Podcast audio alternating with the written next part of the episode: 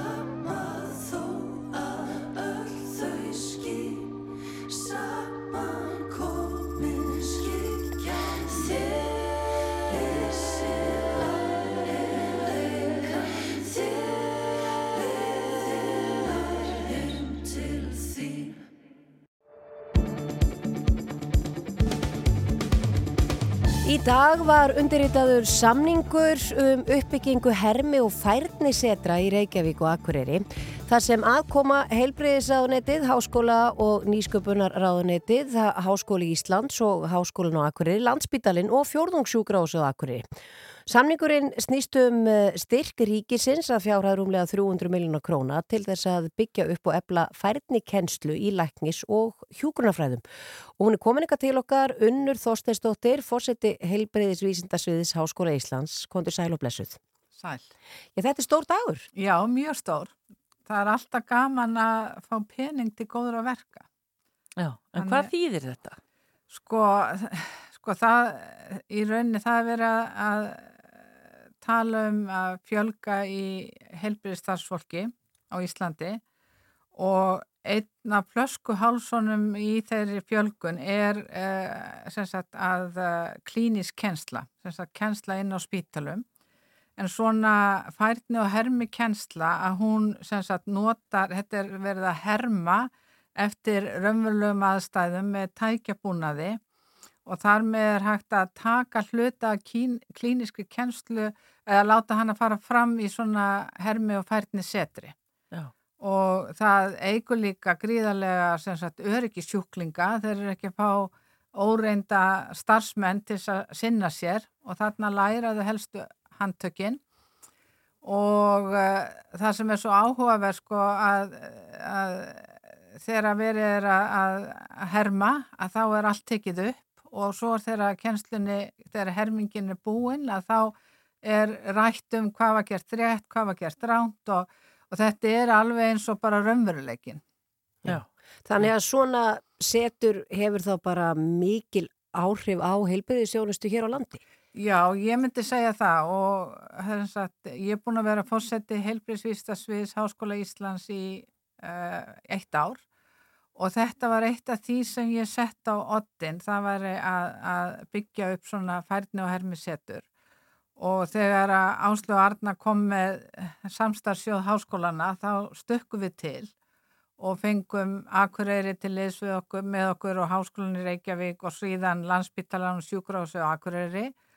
Og uppalega var þetta sem sagt eh, ráðuneytiðinar áslögar sem bauð upp á þennar styrk eða bara við gáttum sótt um hvað sem er í þennan sjóð. En það þurfti að vera samstarf á milli háskóla og, og annara stopnana og við fengum styrkin en þá var hún leið var okkur tilkynntum að heilbriðsrandi ætlaði að tvöfalda uh, styrkin. Þannig að, að þeir, sagt, þannig að við fengum styrk frá bæði eins og hún saðum Gunnardí saði frá hérna háskóla innar og nýsköpunarraðandinu og heilbreyðsraðandinu. En hérna og þannig að, sagt, að við bara, við stökkum á þetta og HA hafði, háskólinu Akurar hafði líka verið að hugsa það sama þannig að þetta var, var auðveld og hérna og við mjög, erum mjög glöð að hafa fengið þennan styrk og og hann er eiginlega, þetta er í rauninni eiginlega alveg nöðsynlegt til að byggja upp gott heilbríðskerfi á Íslandi. Já, en hvar hefur þetta verið hinga til? Hefur þetta bara ekki verið til? Jú, eða? sko, það er vísir að þessu í Eirbergi sem er á landsbytalalóðinni og uh, síðan erum við líka með uh, á Akureyri uh, og síðan í uh, uh, Skaftaflýð þar sem að landsbytalan er með líti hermisettur. En verður þetta bara sér húsnaði? Það sem Já, sko, sko, það sem að, það er framtíðin. framtíðin er að byggja um 2000 fermetra uh, færni og hermisettur en það sem við verum að nota peningana í núna er að kaupa tækjabúnað, við verum að stakka aðeins aðstöðuna sem við höfum á landsbytalalóðinni og í Erbergi og á Akureyri og bæta þeim tækjónum við þannig að við getum þetta fara að, sagt, að virka bara núna strax. Og svo ætlum við að nota peningi líka til að þjálfa, það þannig að þjálfa fólk til að kenna í svona setri. Og uh, þannig að það eru svona stærstu kostnaðliðnir og uh, sagt, að, að, en planið er fyrir framtíðinu sko því það eru fleiri en bara helbriðstjættir sem geta nýtt sér svona hermi og færnisettur. Það er þetta þjálfa mjög margt upp. Já. Já.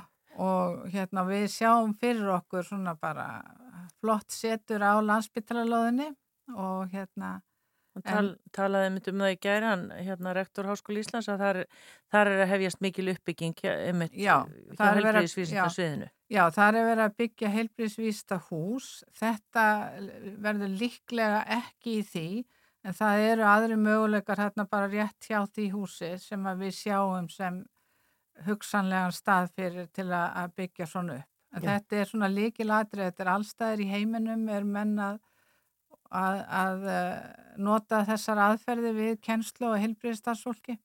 Og hvert eru við að horfa til þess að auðvast meiri færni og reynslu í þessu? Svona, hvert, hvert í, í heiminum ert að horfa til? Já, við, sko, við höfum verið að horfa mjög víðat. Við höfum verið að horfa til Evrópu og við höfum verið að horfa til Bandaríkjana og við höfum að fara núna nokkur saman til eh, Bandaríkjana í byrjun ágúst að skoða hermisettur á Mayo Clinic í Rochester og í uh, háskólanum í minni, Minnesota.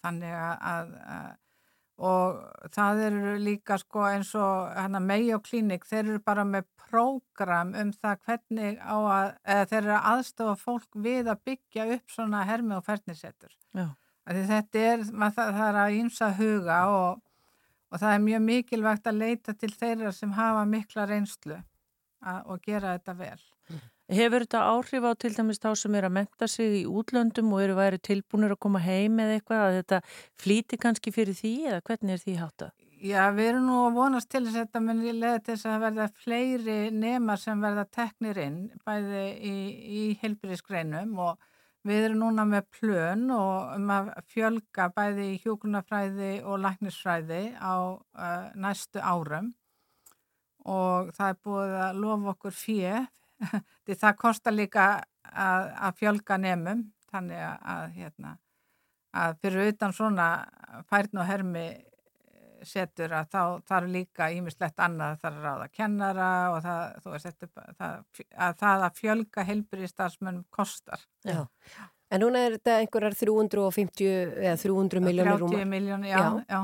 Uh, meina, hver er tímaramnin á þessu og, og, og hver verður svona kannski að endingu kostnaðurinn? Já.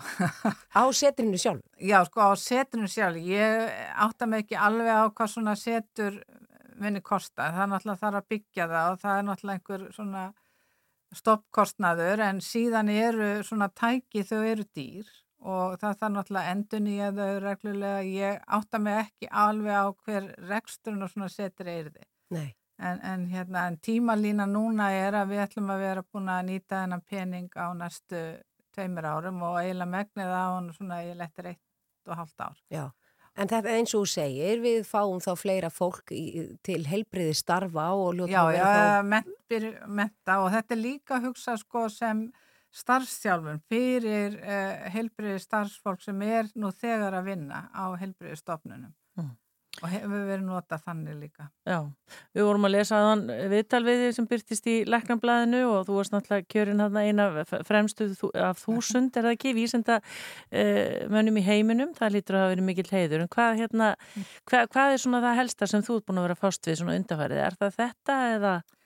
Eh, færðin og hermisetri Já, Já e, það farið tími í það að spá og spekulera og skrifa og svona en þú veist það er svo mörg, mörg önnu verkefni. Það er við erum að, að líka bara að spá hvernig við getum fjölgað og byggt upp rannsóknir og fjölga nefnum í heilbríðsgreinum byggt upp rannsóknir í heilbríðsvistum það þarf að, að gera svona grettistak þar Já. og þannig að það hefur verið svona megin fókusin Og þetta bjarti? Að þetta gangi eftir? Já, já.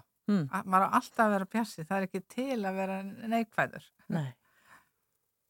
Þetta er bara, já, sannarlega ánægilegu dagur og mm. þetta, eins og þú segir, þetta er svona fyrsta skrefið. Já, jú, ég, ég líti á þetta sem fyrsta skrefið og, og mjög mikilvægt fyrsta skref og það er veglegt af halvi ríksins að koma stíga svona inn í þetta. Já, við segjum bara Unnur Þorstins og þér fórseti heilbjörnsvísindarsins Háskóla Íslands. Takk fyrir komuna í síðdegir og til ham ekki með daginn. Já, takk svo með leðis.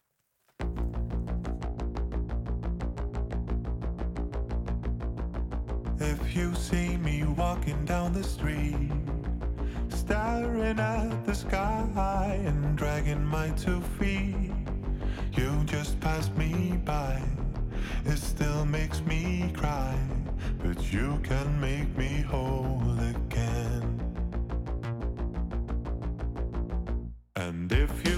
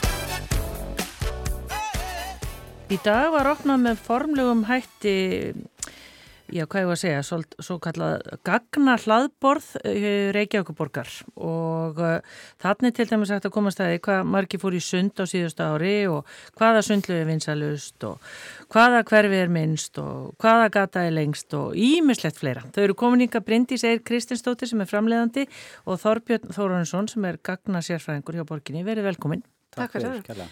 Þá myndur nú einhver segja til hversi óskopunum þetta gert?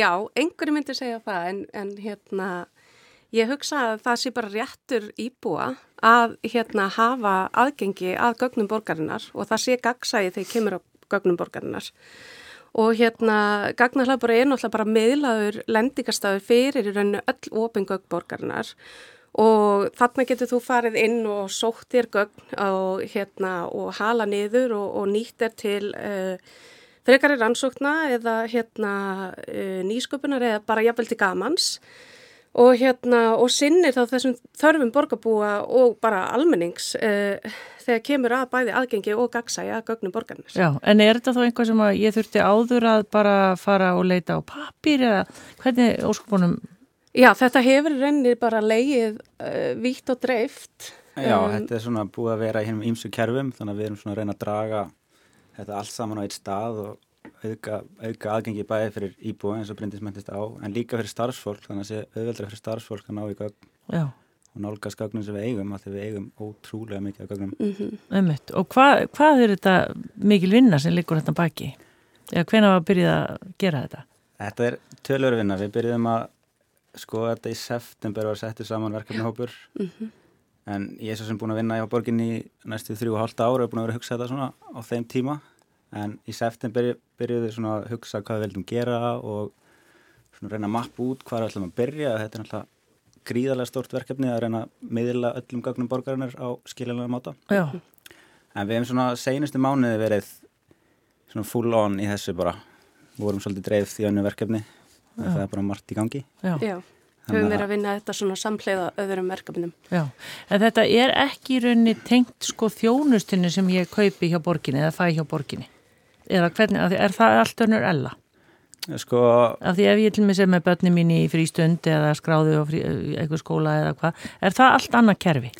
Já, þetta er meira svona upplýsingaveita. Já. Þannig við erum að reyna að búa til upplýsingar úr gagnanum okkar og reyna svona meðlaði bæði hvað er í bóði í borginni og hvað þjónustu við erum að veita.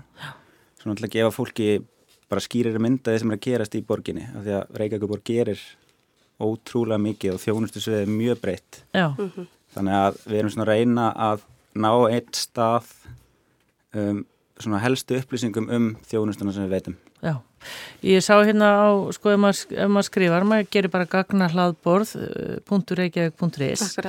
eh, þá kemur hérna, langar þið að skilja borgina þína betur? Er það svolítið svona líkillin að þessu? Akkurat, þetta er einmitt akkurat það sem við erum að gera, því við erum ekki bara að bjóða upp á að hala niður gögnum og, og leika sem með þau og nýta þau áfram, en við erum að gera þetta á svolítið skapandi hátt líka. Við, og við erum að nýta það sem að heitir gagnasögur og í, með gagnasögum þá þær eru rauninni bara myndrænar frásagnir. Um, þar sem við erum að tvinna saman þá myndum, textalýsingum og tölfaraðilegum gögnum. Og hérna náum með þessu að setja saman, sagt, grípum aðtegli lesandans og setjum þetta frá okkur á áhrifarikari hátt og í rauninni á einfaldari hátt. Af því við viljum að þau sem er komin á gagnahlaðborðið og eru að leita sér upplýsinga. Við viljum ekki að þau þurfa að vera einhverjir sérstakir uh, sérfræðingar í málæfnum borgarinnar eða einhverjir gagna sérfræðingar til þess einfallega að skilja borgina. Já, eh, er þetta kannski, já hvað er að segja, eitthvað sem fólk hefur ringt og spurt þjónustu fulltrú um hlutir sem að, þarna er hægt að finna eða hvað? Já, já. Erum, við erum svona að reyna líka að leta á þjónustuverinu að það eru fyrirspurnir sem koma oft og eru reglulegar að við getum miðlað þeim upplýsingum sem fólk er að letast eftir í sögunum. Og til dæmis í sundlögasögunni sem er eina af þessum sex sögun sem við byrjum á þá er þetta nálgast upplýsingar um hvar sundlögarnar eru og hversu mörg er í þeim núna Mér finnst það svo magna það, það, þið, ég get bara sérst, farið inn á þess að síðu og sé hverju nákvæmlega margir í árbæðilegu núna. Já, Akkurat. það er uppfært á kortisfresti en þannig að það er að taka upplýsta ákvarðunum um val á sunnstað til þess. Já, út frá þessu. Þú sér það er engin í árbanum og þú bara beint þangað. Mér finnst þetta alveg frábært. Já. Nef, nef, nefndu hérna fleiri dæmi. Við erum með í bara þannig að halda áfram að tala um sundlegasöguna og svona fyrst að þetta nústaðan í sundlegan núna og hvað þar eru uh, og svo er svona almenn yfirferð á hérna bara nótkun á sundlegum eða heimsóknarfjölda það sem var meðal annars áhugavert að sjá að algengasti sundtímur er á milli 6 og, nei 5 og 6 segja Á daginn. á daginn. Og óalgengasti sunddagurinn er förstu dagur þannig að það má velta, sér fyrir, því fyrir sér hvort að fólk er bara á leiðin út á bænum eða þreytt eftir vikuna og, eða á leiðin út á lífið eða Já. hvað sem það er. Já, svo erum við svona smá fjárásupplýsingar líka um, vörusölu og, og þess háttar. Já, og það við komumst að því að ef við ætlum að þjó, sundlega er náttúrulega þjónusta bara við erum að þjónusta borgarbúa með því að vera með sundlegarnar en ef við ætlum að reka þær í hagnaðaskinni þá þurftum við að láta hvert sundmiða óhað aldrei kosta um 2000 krónur til þess að koma út á núli þannig að við erum svona líka að reyna að miðla því að margt sem við gerum er þjónusta og hvað hún kostar Já, og reyna að upplýsa fólk um allt sem er í gangi. já, já, algjörlega. Svo sá ég til dæmis bara með hverfin, að því ég nefndi að hann sko fjölmennasta gatan og svona sko. Já. E, þetta, hef, þetta er hérna eitthvað sem fólk hefur áhuga á að vita. Já, ég nefnilega held að það sé fullt af fólki þarna úti sem er kannski bara í samræðum og er að pæla í bara hérna málefni borgarinnar, bara hvað ætli búi margir á kjalanessi, Já. þú veist, bara hver er hérna munurinn á eignasjóði og aðalsjóði og, og bara hérna, já, hvað eru margir í sundi? Ég meina, fólk er að, er að hugsa um þetta og þarna getur það bara farið inn og fengi bara alls konar upplýsingar beint í æð og við erum að setja fram á skemmtilegan hátt sem er Já, er í rauninni stóri punkturinn þarna. Já, Þannig að við, við erum- Já, já vitið þið hverjir hérna, flestir íbúa borgarina á hvað aldrei þeir eru? Munið Tópi, það? Tópi? Manstu það? Já, við aldurspilin eru svolítið dreif þannig að langstæsti fjöldin var í langstæsta aldurspilinu þannig að við erum ekki Já, það er alveg með 35 til 66 ára. Já, einmitt, sem er svo stærsta bilið Sko, þannig að það Ég get bara notað með þetta í svona, þegar maður er með matabúð og svona, við erum með er alls að konar En hérna, er þetta allt komið eða ég eftir að bæta fleiru við eða hvernig er það? Sko, við erum með sem sagt, tæplega 600 gagnasett sem við erum búin að opna aðgang að. Um, og þá erum við búin að samina, við vorum að byrta aðgengi að hrágögnum á mismundu stöðum, við erum búin að samina þetta á eitt miðlan stað sem er svona leiðavísir í gögnin sem við erum að byrta. Svo erum við með sex gagnasögur, svona við erum að prófa konseptið að miðla þessu á sagnaformi og reyna svona að vera áhuga hvetjandi. Um, þannig að það er mjög margt eftir sem getur farið inn sem sögur Já, Já. og þannig að við erum bara rétt að byrja í Alveg þeim efnum sko. Og það er líka kannski gott að nefna að við erum að huga að aðgengismálum einnig. Og hérna það er verið að vinna að því að gera þessi gröf sem sagt, aðgengileg fyrir öll. Og þá erum við að tala um litblinda og þau sem, að, þau sem eru blind. Og hérna þá verður hægt að hlusta á gröfin og þá eru gröfin í sem sagt, fyrir litblinda high contrast svartkvítu og eru með þá að nýtast við munstur í staðan fyrir liti. Þannig að það er, já, allt við í erum vinslu. svona byrjuð að vinna í því að upplýsingar borgarinnar séu aðgengilega öllum á Já. einum stað. já. Og þó okkur á orðið tíðrætt um sundlugarnar þá er allt í lagi ef fólk allar að opna en að vefa bara byrja þar til að byrja Byrja ykkur stað. Algjörlega. Akkurat. Frábært, þetta er sem sagt eh, enn og aftur gagna hlaðbord.reykjavík.is Bryndís Eir Kristinsdóttir framleiðandi og Þorbjörn Þórarensson gagna sérfræðingur hjá Reykjavíkuborg Takk fyrir komuna, gangi ykkur vel og til Takk mikið fyrir. með þetta Já, fyrir takk kærlega. hella. Þú ert að hlusta á síðdeis útvarpið á Rástvö.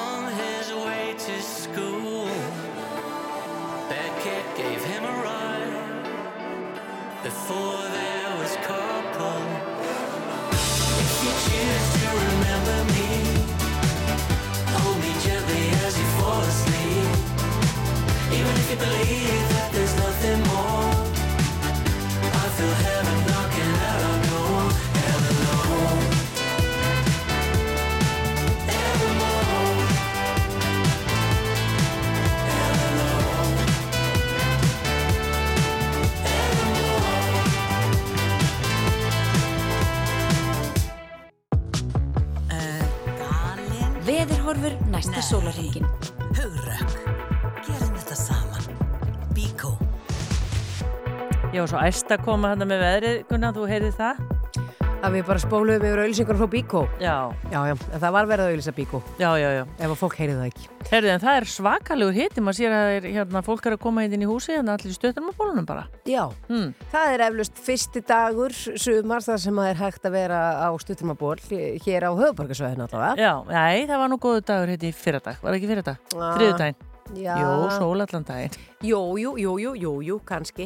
En ef við lítum aðeins á uh, spána, það er suðlega átt 3-10 metrar á sekundu, skíjað og þurft að kalla, en dálítið til væta í nótt, lengst af bjartviðri á norður og austurlandi, en líkur á stöku síðdegi skúrum þar. Og allir það sé ekki bara kærkomið, það fór smá síðdegi skúrir. Gott fyrir gróðurinn. Já, nú er örglega einhverju sem eru fúlir að ég sé segja þetta, en ég er að hugsa svona um, einmitt, sprettuna og annað. Já, Þarna þarf, einmitt. að- þarf að fara að heia og svona, þannig að það lítur að vera ágætt að fá smá skúrir. Hiti 10 til 23 stig að deginum og það er hlýjast í innsveitum austanlands. Einmitt. Og ef við kíkjum aðeins á staðaspána bara hér uh, klukkan átján þá er 16 stig hiti í Reykjavík og skíjað, 17 stig í Bólungavík og skíjað, 18 stig á Akkurir og skíjað, 21 gráða á Egilstöðum og sól. Þannig að það er bara Tenerife Kekjað. veður þar uh, og 16 steg hiti á kirkjubæða klustri og skíjað. Mhm. Og þú varst eitthvað að tala um það að þetta væri síðan bara glimrandi fín helgi framöndan. Já, það er 17. júni náttúrulega á, á lögadaginn og það er hvergi eitthvað óviður, bara auðvitað mismunandi sól uh, á norður og austurlandi en ekki hér en það er ekkit, þú veist, maður hefur séð það svartara. Séða svartarlefni, við erum að tala um 14 gráður í Reykjavík Já. og 13 í Bólingavík, þetta er nú bara Geggjað, sko. ljómandi. Já. 21 gráða akkurir og sól, 24 á eigilstöðum og sól og 19 á kirkjubæða klustri og sól. Þannig að eitthvað sem segir með það að ströymurinn samt uh, sko út úr borginni líkit aldrei norður og, og, og austur. Já, en það var viðtal áðan í fréttunum við laurugluna á Akureyri, það eru bíladagar, það eru hérna útskriftur á MA og þetta, þeir sem hafa útskrifast í gegnum tíðina, það er alltaf, er það ekki svona ammalis Jú, jú, maður hefur nú mætt á ófáar þannig hátíð. Já, og síðan er hérna auðvitað 17. júni hátöld, þannig að það verður allt vittlust þetta, meðal annars. Já, þannig að þeir eru með bara aukin aðbúnað og svona, Já, það já. er eðlilega, eða viðbúnað, ekki aðbúnað. Já, viðbúnað. Þeir eru alltaf með aðbúnað líka en. Já, heyrðu, en hér eftir fimm þá ætlum við að heyra af stóru verkefni sem að Ebla verkfræðstofa var að ganga frá uh, í Svíþjóð. Já. Og síðan ætlum við að fá til okkar par sem að elskar að hlaupa og það er erfiðum hlaupum. Það hleypur og hleypur og hleypur og, og vinnur. Já, og svo kemur til okkar hann Vignir Vatnar sem er nýjasti stórmestarinn okkur í skák, í skák. Og hann er bara tvítugur. Já, allt saman hér eftir smástund. Þú ert að hlusta á síðdeis útvarfið Á Rástvö Gunnar, hvað er það lengsta sem að þú hefur hlaupið í einum rikk? Uh, eftir ég var fullorinn? Já. 5 kilometrar. Já. Ég held þessi tíu hjá mér en það er mjög langt síðan að mikið svakalega var ég þreytt og stolt af mér. Já, ég líka eftir 5. Já, það ekki? Jú, jú, mjög. Já, þetta er svona, við erum nú að tala svona sem venilegt fólk en það er komið til okkar par sem að heita Sölvi Snær Eilsson og Dalrós Ingadóttir og þau báru sigur og bítum í hlaupi sem að heitir Salomon Hengil Ultra Trail og þetta hlaup var haldið sem sagt um uh, síðustu helgi og uh, þetta eru 106 kilometra hlaup og það er ekkit annað en það að þau gerðu sér lítið fyrir bæðið tvö og sigruðu þetta hlaup, verið velkomin Takk fyrir. Takk fyrir. Hvað hérna, ef við byrjum bara aðeins á, á hérna byrjunni, þið keftu bæði í þessu hlaupi í fyrra og þá gekk ekki alveg nógu vel uh, hvers vegna ekki ef við byrjum á þér svolítið Eh, Ég var farin að missa sjónina upp á svona 50 kilometrum. Svona byrjaði svona eins og að vera þoka alls staðar. Svo bara var ég búinn að detta svo mikið að ég treysti mér ekki lengra. Þannig ég hætti þeirri átti 10 kilometrar eftir. Já, en ég minna hvað er það þegar maður missir sjónina, hvað er þá að gerast? Eh, Ég bara veit það ekki. Ég er ekki búinn að finna út í því en það. Er það bara svona ægileg, þetta er svona mikil árensla og líka manna að sjóni fer? Já, það geta alveg verið. En það byrjaði svona frekar snemma þannig sé svona fyrir mig. Þannig Í hlaupinu? Já, eða, veist, ég var hlupið svona veglend áður, að það byrjaði frekar snemma, ekki þessa veglendi, þú veist, 50 km þannig, Já. þar hefur þetta ekki gerst. Og hvað, settustu bara niður og jafnaði þetta sig svo smá saman, þú fórst að borða að drekka eða hvað? Já, bara ég fór að sofa í tvo tíma eða eitthvað, Já. þá byrjaði þetta að koma aftur. Já. En hvað, hvað varstu til dæmis þá lengi að hlaupa 50 kilometra? Manstu það svona sirka? Mm, kannski 6,5-7 tíma eða eitthvað, ég manna ekki alveg. Nei. Já. Uh, en þú, hérna, Dalrós, eh, byrjum bara hlaupin í fyrra þegar gekk ekki alveg eins vel þá. Já, þá var ég bara búin að vera meitt í njónum alveg fyrir hlaupi Já. og ég vissi alveg svona þegar ég leðast að að það gæti alveg verið í þyrta hætta og svo hætti ég eftir 75 það er bara alveg að dreifast Já. En, en hvaða bakgrunn hafið þið, ok, þið eru par og þið hlaupið og þið greinlega hlaupið mikið saman, en hvaða bakgrunn hafið þið í hlaupum? Akkur er þetta svona mikið áhugamál hjá okkur? Ég, ég veit ekki, mamma og pappi voru bæði skokkóp alveg síðan ég var lítil og alltaf í skokkóp og pappi byrjaði að draga með messur og æfingar þegar ég var kannski svona 16 ára Já.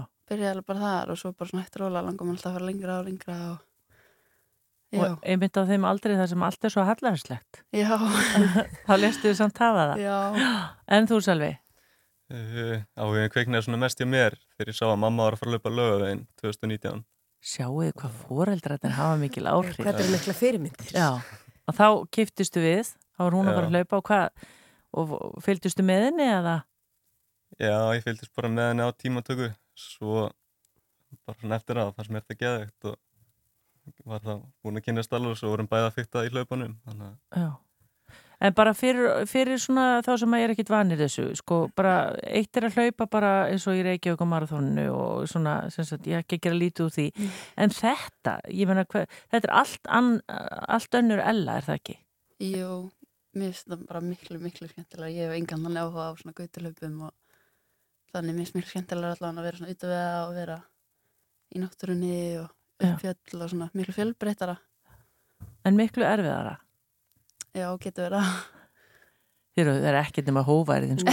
Og maður lítur líka að þurfa að passa sig miklu meira. Það lítur að vera auðveldar að detta eða einhvern veginn bara um eitthvað í náttúrunni. Já, þetta getur náttúrulega fjölbreytt undilega og alveg erfið stígarstundum og svoleiðis. Já. Hvernig skóm eru því? Er því vennilegum hlaupaskóm þegar maður er svona utan með hlaupum eða? Nei, við erum í svona utanverðskom sem verða betra greip og svona eitthvað alls konar Já. sem við þekkjum ekki ennþá, en þeir eru að gera eitthvað gott. Já, en, en svona fatnaður á öðru leiti. Er það bara svipað og, Já, bara svona hlaupaföt, hlaupaföt og já. ekki og... og svo með, Með vesti, já. já, og svo með drikja brúsa á ykkur eða hvað? Já, í vestinu. En voru þið, voru þið til dæmis samferða núna? Hvernig er það? Þið eru Nei. par, maður hefur allt. Eh, þið eru ekki hlaupa bara svona hlið við hlið og samfó og, og, ætla svo bara að hlaupa lengst og sigur alla. Nei, Leifið sjálf alveg fara undan, sko. Já. Salvi, þú ert 74 mínútum fljótari heldur en maðurinn á eftir þér og þú eh, dalar á 65 mínútum á undan næstu konu. Já. Hvað hérna, er það ekki frábært? Ég menna, voru þið bara einhvern veginn einn í heiminum þegar þið eruð að hlaupa, þó ekki hlifið hlið, en samt sem áður þá engin nálagt eða hvað? Ég, svona, þegar fór að líða á Já. þá svona, fengum við símtölu og vorum farin að heyra beilið þannig að það gaf alveg mikið Já. að vita að vera langt í næsta Líka róaði mann svona aðeins Já. að vita að hann var ekki En hvernig, virk, mann. hvernig virkar þetta hlaup? Er þetta bara, er þetta allir að hlaupa að sömu vegalengt, það er að segja þeir sem geta það, á tíma eða er þetta bara hver fyrir lengst? Þetta er bara 106 km löp og svo bara leggja allar stað á sama tíma og svo bara fyrstur að klára. Og, Þetta er bara ákveðin vegalít, já. Já, og Sölvi fer þetta 106 km á 14 klukkustundum, 25 mínútum og 29 sekundum og Dalrós á 16 klukkustundum, 59 mínútum og 17 sekundum. Ég menna, vitið þið eitthvað svona samaburð? Af því að maður hugsa sko svona utanvega hlaup, er ekki erfitt að bera saman 106 km þarna og svo eitthvað starf annar staðar af því að það er svo mismunandi landslag. Jú, bara mismunandi aðstæður og veður og líka sem ekki eftir hækkuninni og svona hvað maður lengi. Já. En, en vitið þið besta tíman í þessu hlaupi? Hvenar, Ég held það örvar eiga, það var ekki 12.47 Jú, og konna held ég að sé, var ekki ragnar? Jú, 15 eitthvað Já. Já, 15, 25 eða eitthvað. En hvernig var sjónin núna og hvernig voru hnjön? Uh, ég var alveg alveg mjög slæm í nefnum í lókin, sko. Alveg svipið á þegar ég hætti í fyrra. Já. En bara miklu sterkari vilja að klára núna. Og ég byrjaði að missa sjónun upp á svona 25-30 og það var þá vel að bara hausinn eftir það. Byttu missa og bara sást ekki neitt? Jú, þetta byrjaði svona hægt og rólega svona mynda svona þoka. Svo lagði ég mig ég var bara ekki viss um að ég myndi klára bara eftir 30-40 km þannig ég lagði mig í hveragerði og ádreikjastöð og það svona batnaði þetta aðeins en svo var þetta eiginlega bara svart að þoka restina Og þú bara klárar þetta samt? Já, ég var stálega oft komin bara einhvern út í skurð og vissi ekkert hver ég var en það var sem betur fyrir var ég að mæta öðru hlaupinu sem var aftast í hlaupinu og heyrði ég með einhvers þar upp í fjalli og tók það einhverja Bara fórstu eftir hljóðinu? Já, Þetta er rosalegt. Þetta er alveg svo bara, ég veit ekki hvað. Eins og í bíómynd. Já, e, þeir eru búin væntalega búin að vera að kvíla ykkur síðan, eða hvernig er það svona dagarnar á eftir? Hvað gerir maður? Bara búin að vera slaka á, sko. Já. svo mikið og Borða og... Fara í heita potta og eða hvað? Já. Og, Og hvað, svo- hvað er svo framöndan? við erum að fara í snæfellsjökullaupi eftir já, þar næstu helgi Og er þá hlaupið upp á snæfisjökul? Eða hvað? Ég Ég veit ekki. Ég veit, sko. Við erum ætla bara að taka þátt. Já. Já, Já, og svo hvað? Svo Holmsæðarlaupið. já, Holms, Holmsæðarlaup. Holmsæðarhlaupið. Já. Og svo bara laugavæðurinn, eða ekki? jú, það er svona eina sem verður skráðið núna Svo er Kíja Gullringin líka. Já. Já. Við getum ekkert skotið þarna þjóðatíð að. Svo bara það Já. er ekkert mál. Já. Ha. Já. En þetta er þá öruglega eitthvað sem að þið hafið bara huga á að leggja meira fyrir ykkur og kannski fara að keppa ykkur stærællandir. Já, það geta það alveg er verið alveg spennandi, sko. Því ekki eru þið gömul. Það er, það er nóg eftir. Nú eftir, sko. Þeir eru að vinna í sumar en eru þið í skóla annars eða? Nei, við vorum bæði að vinna núna. Já. Í ár. vorum að sækja um í haust í háskóla Já. Eitthvað staði sem getur hlaupið. Bara frábært um, já, við höfum eitthvað að fylgjast með ykkur Sölvi Snær Eilsson og Dalrós Ingadóttir. Bara gangi ykkur vel í framtíðinni og eins og ég segi, okkur finnst þið vera bara algjör ofur menni, það er það eina sem ég geti sagt hérna. 106 km Þetta er Við erum alltaf með okkar 10 og 5 Stótrúlega ég hef komið, þú hlýtur að fara meir en 5 Aldrei? Nei. Ó, já, já. Takk fyrir komuna krakkar, þið eru Takk frábær. fyrir. Takk fyrir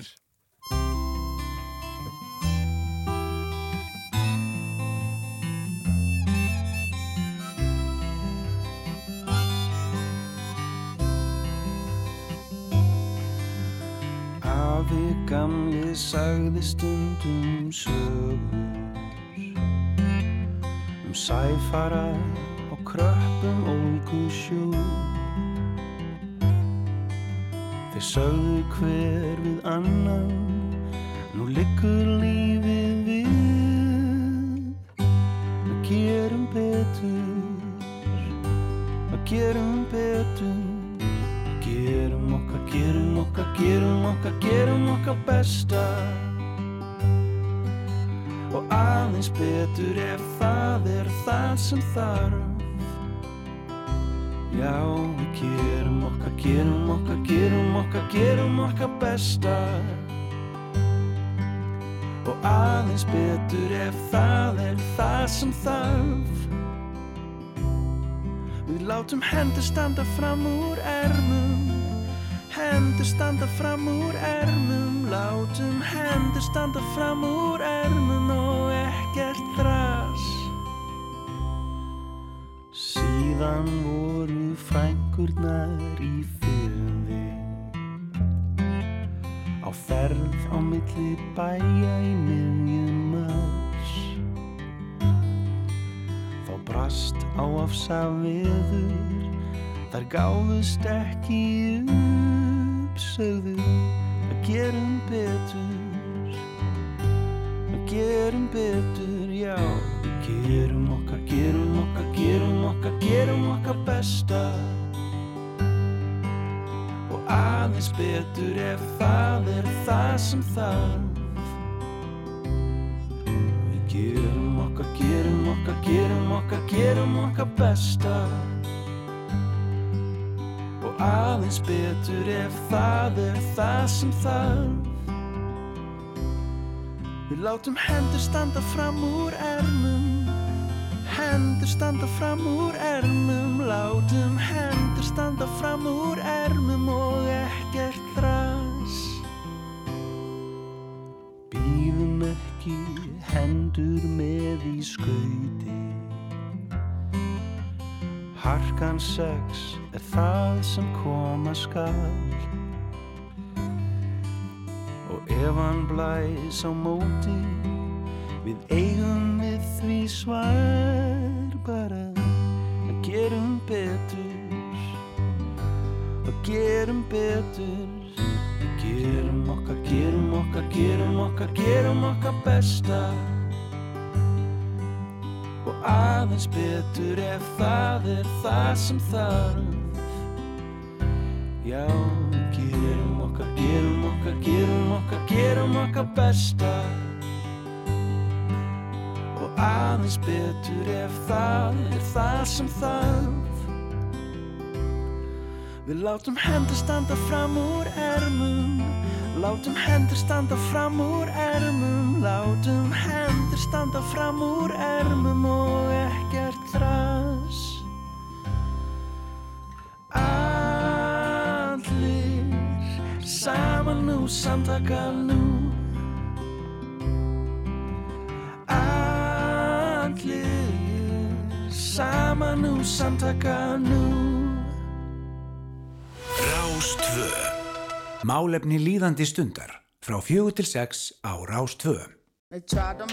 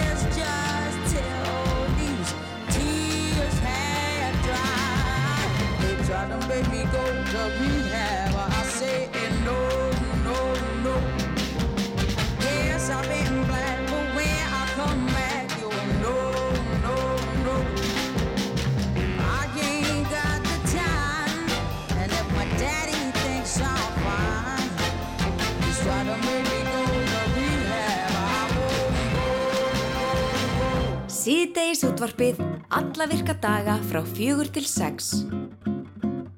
Don't you notice how I get quiet when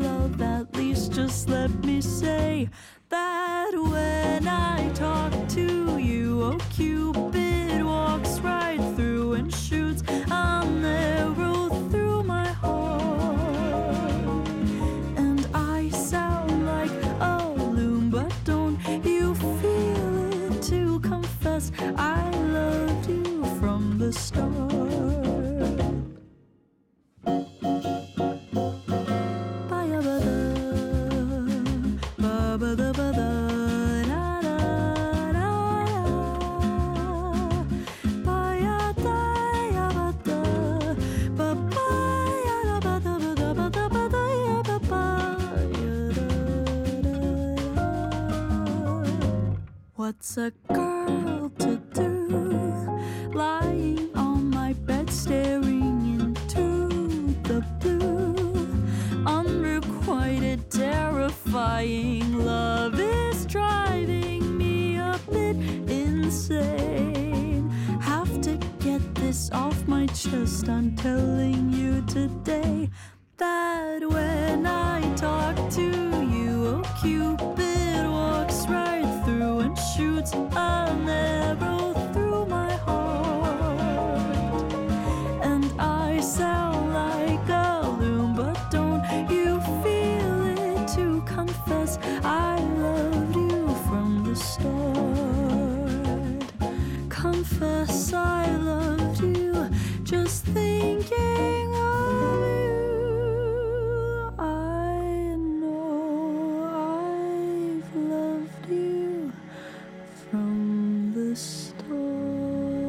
Laufey og lag sem heitir From the Start. Ótrúlega flott tónlistakona hann á ferðinni. Hún er alveg frábær. Já. Ebla landaði nýverið sínu stærsta verkefni þessa í Svíþjóð en umsvið fyrirtækisins þar í landi hafa aukist gríðarlega síðustu ár og við erum komin í samband núna við mann uh, í Vestmannaeyjum. Uh, hann heiti Steinþór Gíslason uh, og er framkvæmdastjóri Eblu AB Dótturfélags Eblu í Svíþjóð. Kondur sætt og blessaði Steinþór? Sæl fyrir því. Já, þú ert nú uh, kannski ekki í Vestmannaeyjum á hverjum degi en þú ert þar núna og við verðum þá kannski bara að spyrja hvernig er veðrið í eigum? Veðrið er bara mjög fínt sko. Það er bara enna frekar lítill vindur og tíu gráður og, og já, bara fínt viður. Við kvörtum alltaf ekki yfir þessu. Nei, og hvað ert að gera þarna? Ég er auðvitað á, á fótboltamóti í eigum. Það er þess að dóttir minn er að keppa henn og ég er að fylgjast með henni. Já, T-móti í eigum. Já, já, Hmm. að sjálfsögðu. Þannig að, og þú ert áfram hvað? Hvaða liði heldur þú með? Eða er hún í? Já, breyðablík. Já, já, en ekki hvað. Blikarnir, já. En ekki hvað. En við ætlum nú að tala við þig um þetta risastóra verkefni sem að Ebla var að landa í Svíþjóð. Segðu okkur aðeins frá því.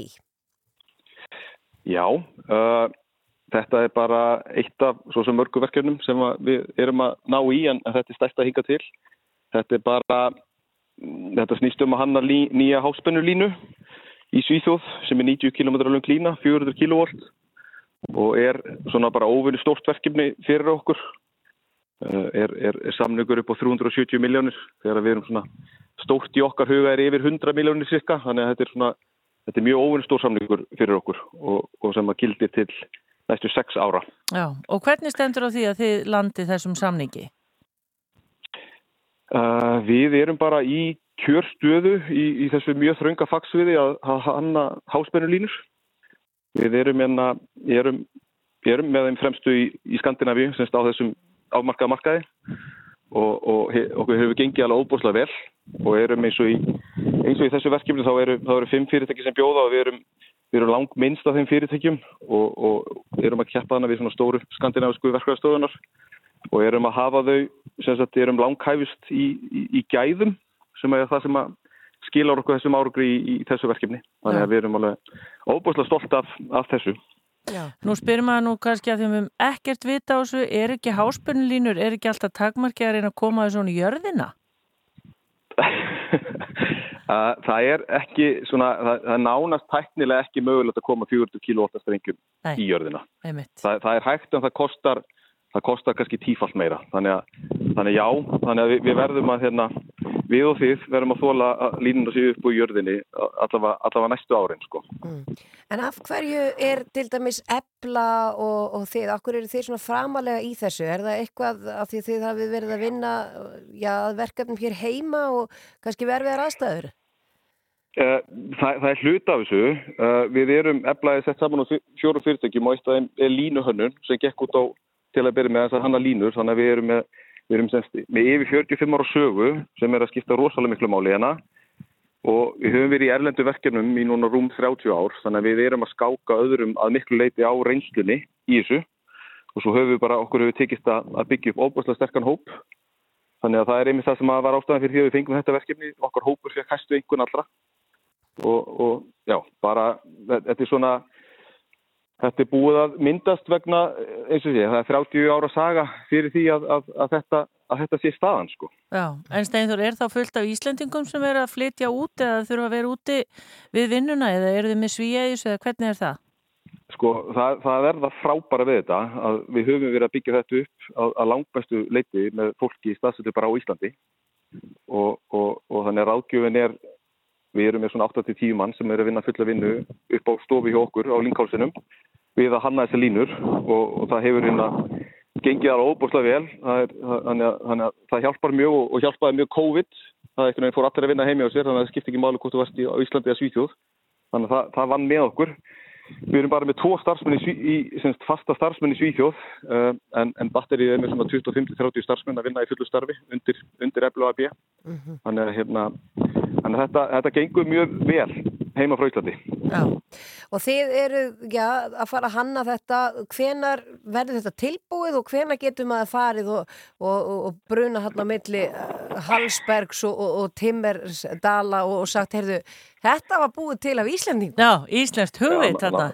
Já, nákvæmlega. Eh, Þetta eru, þetta eru rosalega löngverkefni og, og, og þessu líkur sem sagt, það verður sett rafmagn á þennan, þessa nýju línu 2029. Þannig að þetta er núna, núna 6-7 ára ferli framöndan að, að fyrst að hanna þetta og síðan kaupa efnið og, og byggja þetta og, og svo framins. Þannig að hérna, þannig að þetta tekur langa tíma. En þetta, er, þetta er bara ein af mörgum línum sem við, við hön- hönnum erlendis og, og við erum með meira en 30 samninga í gangi. Þannig að það er, það er mjög margt annað í gangi hjá okkur enn Svíþjóð. Já.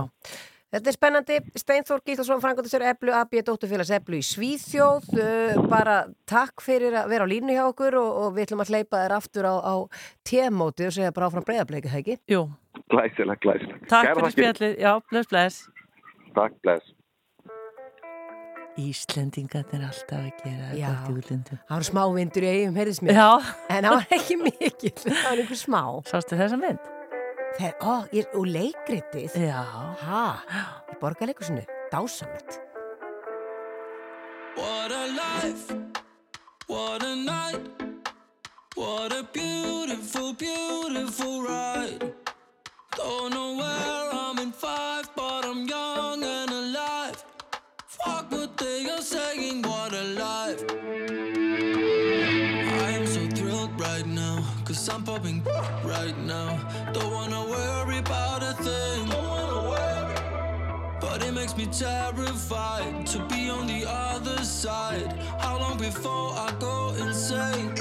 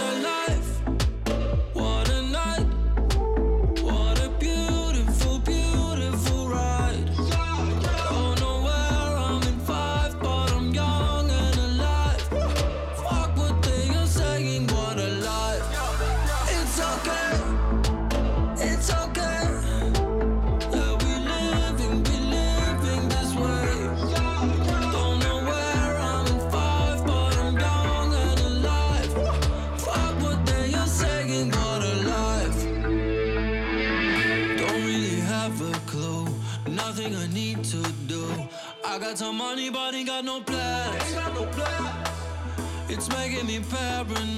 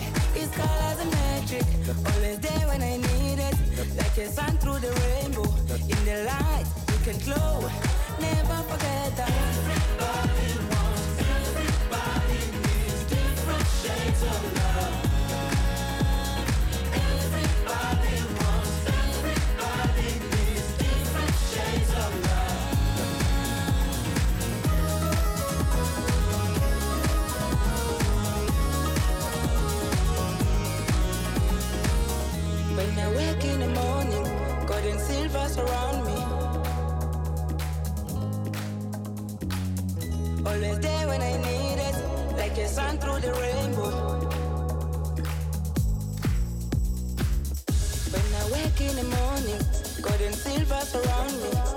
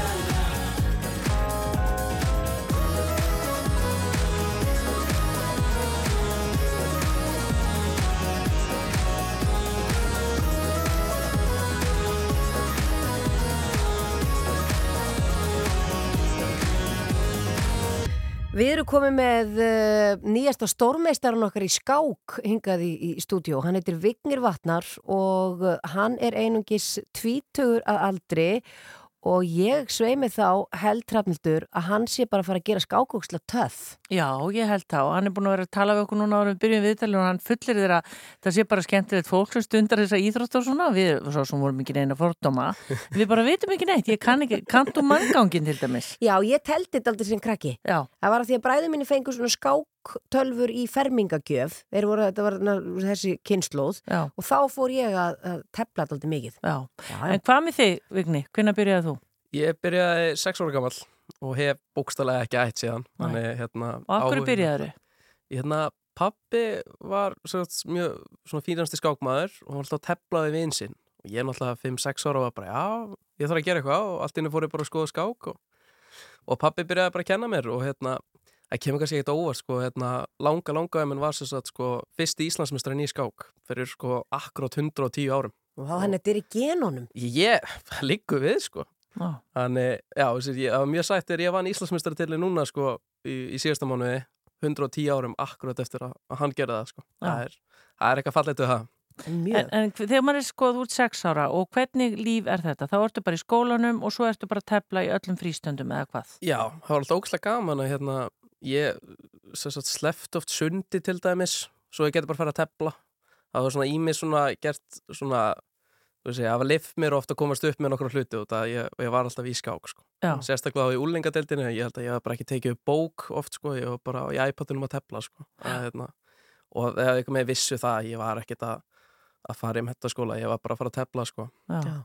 En farða þess yfir þetta með okkur. Þú ert stórmeistari. Eh, Fyrir okkur sem að vitum ekkert um uh, tablheimin eða skákheimin, Mhm. hvað þýðir það að vera stórmeistari og, og hvernig titlar er þetta og, og svo framvegis? Já, uh, hérna, stórmeistarinn hæsti tilinn í skák, hérna, grammester. Um, það eru, ég held, 2000 stórmeistarar of all time, bara allra tíma.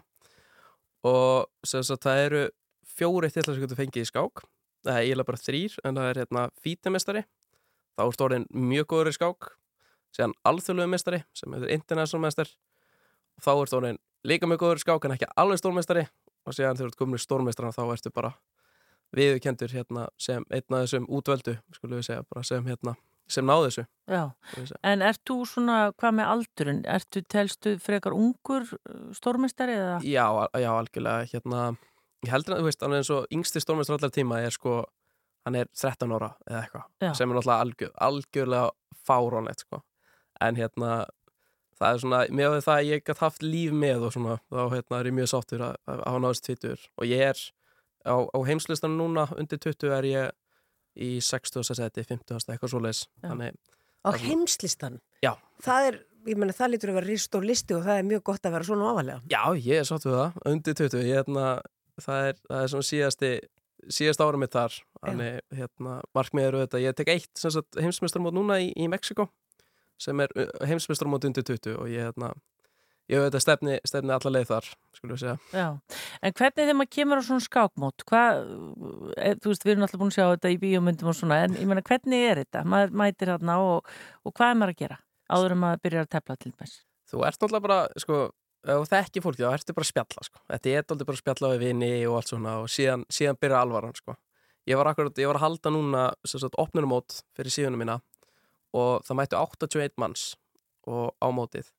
Og það var bara allt pakkað, rosalega góð stemming, þannig að þetta er svona, þetta er félagslegt líka, sko, en síðan auðvitað er að skákinn byrjar, þá er auðvitað alvaran og, og allt þetta, sko, en, en annars er allir, allir löflétti bara og, og góð stemming, sko. Já. Er þetta stúdera, að því nú ertu vantarlega að keppa við aðra, mögulega stórmestara og bara annað fólk, er þetta stúdera fyrir skákir þeirra og undirbúið bara svona eins og, eins og Guðmundur Guðmundsson hefði látið strákan að horfa á vídeofönd í, í kallalandsliðinu í handbólta? Það er bara nákvæmlega þannig eða, sko. ég, ég þarf að skoða þessi skáki sem þeir hafa telt kannski á í einhverju móti sem þeir teltu í ég veit ekki, Súrík eða bara einhver staðar og ég þarf bara, ok, já, að gera eitthvað mistug hérna og ætla ég, ok, ég get kannski farið í þessa línu skilur og ég er alltaf að pæla skilur ok, þú veist, hvað, hvað byrjun ætla ég að tepla, hvað er sniðut að gera mútið þessum hvað er veikleikunum hans og allt þetta.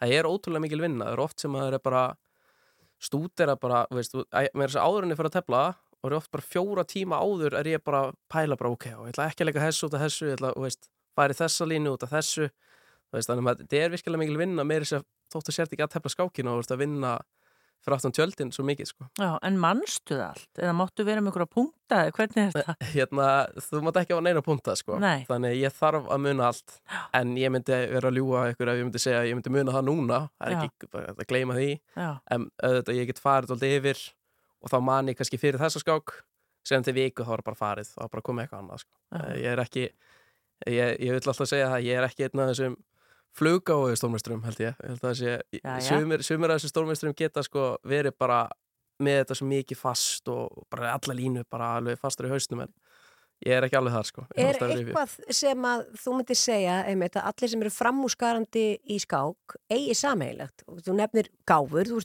hlýtur að, þú hlýtur að vera klár, er eitthvað svona sem þú myndir telja að allir ættu svona pínu sameigilegt? Nei, kannski ekki, bara kannski dugnað, skulum við segja, af því þú þarft alltaf kannski ást náttúrulega fyrir þessu líka af því þú þarft sko að vera mjög metnaðafullir í þessu. Það var alveg oft sem ég var að taka 8 klukkutum á dag og stúdera skák og þá er maður svona þú veist, þá maður getur þetta oft orðið daldið svona eins og vinnamannsdaldi, að maður er ekki góður í vinnu og svona orðið frekar leðilegt sko. En þeir vant að virkilega dugna og, og hafa ánægju að þessu sko Mm. annars, annars er þetta mjög erfitt sko. En er þetta þegar þú ert ánum stórmeistari, hérna, Vignir, eh, ertu þá, er þetta þá bara alveg orðið fullt starf? Þú ert náttúrulega vísu, við tala eftir smá, skák skóla svo með, en ég meina, þú lifir, lifir á þessu eða hvað? Já, ég, ég lifi á, á skák og ég, hérna, og ég er mjög heppið með það. Ég er, hérna, fer á stórmeistrálun til dæmis og hérna, og síðan náttúrulega núna fæ ég mikið bóð bara erlendis, þú veist, ok, ef þú kemur hérna til Tjekklands til dæmis, ég er að fara á móti eftir tvær aukur, þá borgu við fyrir því hótel, flug og gefur pening og allt þetta, þú veist, og þá er ég alltaf bara að fara í rauninni að tefla erlendis með allt frítt og, og fæ pening fyrir að mæta, sko, þannig Og ert líka geta bara að skoða heiminn? Jú, ég, ég passa það alltaf sko alveg eins og hérna hvenar er maður að fara til, eins og ég fyrir Mexiko núna í fyrsta skipti hérna, í september. Hvenar er ég að fara að þanga aftur? Ég er ekki svo viss, þannig ég ætla það er eitt frítagur, ég ætla að nýta hann mjög vel sko. Ég passa alltaf að, að gera það sko. En ferðu einn eða einhver fari að fara með þér, eða hvernig er þetta? það eru, það eru fullt af Íslandingum að fara með mér sko. Við erum það heppi núna í dag uh, að það eru fleiri, ég reyni núna stórmeistarinn alltaf af ungu kynsluðinni en það eru fleiri að koma upp og þeir eru allir núna að tepla til dæmis í Tjekklandi á móti og þeir verða ennþá út í Tjekklandi á þessu móti er ég kem þannig, já, ég er alltaf ég ég er alltaf bjarsýtt fyrir að koma upp fleiri stórmeistarar líka þannig, já, mér er bara líst mjög vel á þetta. Já. Segðu okkur núna frá skólun, skólunum þínum á netinu. Já, endilega, ég hérna ég er sagt bjóð til vessu sem heitir vignavatna.is með mjög góðum vinnum minn Beintit Brím, hann sé sagt um ég get bara séð um skákdæmið, sko, ég er ekki með tölvutnar neitt á hreinu, sko. Þannig hann sér að tölvudeldina og ég sé um skákina. En sagt hugmyndir baku þess að síðu er að gefa fólki séns á að bæta sér í skák án þess að þurfa eigða fullta pening í engakensli á stórmeisturum að eins og, veist, eins og ég þurfti að gera þegar ég var sex ára til dæmis þá hérna, ég var ótrúlegt efni en það er rosa erfitt bara alltaf inn að fara að hitta Íslandsmeistarinn í skák og stórmeistar og, og ekki að það kosti bara annan handleikin sko. þannig að mér langaði aldrei að gera þetta upp á bara svona íslenska skák eh, íslensk skáklíf að gefa öllum virkilega góðan sess og að bæta sig og hérna, og ég held til með að hafa gert það og ég ætla sérstaklega líka það eru komin yfir 300 vídeo í stórmeistarapakkanum sem er sagt 3 og 9 á mánuði og síðan er meistarapakkin sem er 1 og 9 á mánuði. Og svona tæmilega ódýrt allavega með að enga kjensla kostar allavega 10 skall þannig og síðan ætla ég alltaf að kasta inn sagt 25 nýju vídeoum á viku. Þannig að það verður alltaf brjálaslega mikið efni. Og síðan alltaf annað, annað sem fylgir með þetta frítt á öll mót sem ég held. Ég er að alltaf verður duglegur að halda skákmót og fyrirlestra með mér og afslættir hér og þar og, og allt svona sko Þannig að þið langar bara til þess að bóða fagnæðarendi, hvað skák er frábær íþrótt. Já, mér langar ekki að vera eini stórmeistarinn sem er, þú veist, ég er alveg, þótt ég segi sjálfur þá er ég, þú veist, ég er á undan núna á minni kynnslóð, en mér langar virkilega að koma upp bara sterkari kynnslóð en ég eftir á, sko. Þú veist, bara, sem bara lærir af mér til dæmis og getur bara orðið sterkar en ég, bara margir þess vegna, sko. Það er bara, er þá myndi ég kannski sérstaklega hafa mikið meira kvata til að með að reyna að vera betra þá, passa nefndum að vera ekki betri en ég, sko. Það er, það er eitt ágefni. Þannig ég held að bara, já, ég held að hjálpa öllum að koma meiri samkeppni, sko. Já, og þetta er vignirvatnar.is. Já. Þetta er bara nafnið. Það er bara nafni. Ég, það hérna var allt annað að teki skák.is og og eitthvað, þannig ég fóð bara með nafnið. Já, ég bara enda lítur þú að vera bara vörumerki, það lítur bara að vera þannig þegar maður er án stormestari í skák. Já, það er, það er sæmilegu titill sko, ég ránaði með hann. En hver er upp, uppáhalds skákmaðurinn þinn í heiminum? Uh, sko, það er pottitt Friðrik Ólason sko, sem er hérna...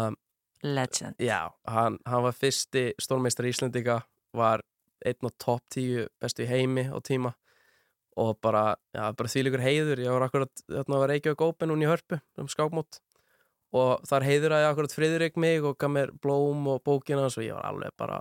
Bránaður. Já, það var bara besti dagur í Ísminn sko, það ég held að það, það fer ekki millum við segja. Já, einhverjum svona erlenda fyrirmyndir líka? Já, það er Karlsson, Magnús Karlsson, hann hérna, hún er ekki heimsmeistari núna, þegar hann gaf titlinu frá sér, en hérna, sem sagt, hann er aldrei, svo fyndið hann að því þegar þú hugsa um skákmann, stereotypan er svona, þú ert ekki í góðu formi, ert með glerugu og þú ert bara eitthvað svona nörd, sko, ekki með Karlsson, skilur, hún var heimsmeistari í fjöldamörg ár og hann er bara módel og geggjöðu formi og, frábæra persónleika, geggjöður í skák, hann er bara svona akkurat það sem það vill vera sko. Mm, það vill já. vera Algjör góð fyrirmynd. já. Já. Hvað er hann gammal? hann er 30 og 30 eða eitthvað svo að hann er, hann er aðeins eldri en ég Aðeins eldri. Það er bara hún spenntur, í skák er hann töff núna í mínum huga. Algjörlega eftir að við hitt hann. En þannig að fólk getur bara farið og kíkta á þessa síðuna. Já. Það er þess að vignivatnar.is algjörlega og svo eins og þú segir, það kostar þetta er á ekki að drepa neitt þessi gjöld sem að hérna, Nei, það ég, kostar ég til reyndi að hafa þetta allra, allra ódýrista svo, hérna, svo vonandi komi fleiri stórmeistrar upp og Já, líka Ísland- bara, þú veist, þetta er svo fallið að það er ekki allir krakkar sem hafa vilja kannski verið í fótbolta eða handbolta, einhverju svona, einhverju vilja vera þarna. En síðan getur náttúrulega haldið því líka með sko. Þú getur náttúrulega alltaf haldið kannski ef þú ert sem í fótbolta þá ertu með svona líkamlu hreyfinguna og síðan ertu með skákina fyrir heilan Já. það er, það er líka eitt Kækjað. Takk fyrir komin engað, stórmestarinn Vignir Vatnar og bara gangið vel í framtíðinni. Við höfum eftir að fá að heyri í þar aftur, ekki spurning. við möttum að herja á þig bara að vera hræðilegar þegar þú ert ykkur starf í útlöndum og þú ert að heyri þér. Já, og, einmitt, og með þessu þá ætlum við bara hvað er í sítiðs útdarpinu og ætlum að enda þetta á Frank Ósen og við þakkum fyrir áhörðina og verðum eftir ykkur á morgun. Bless, bless.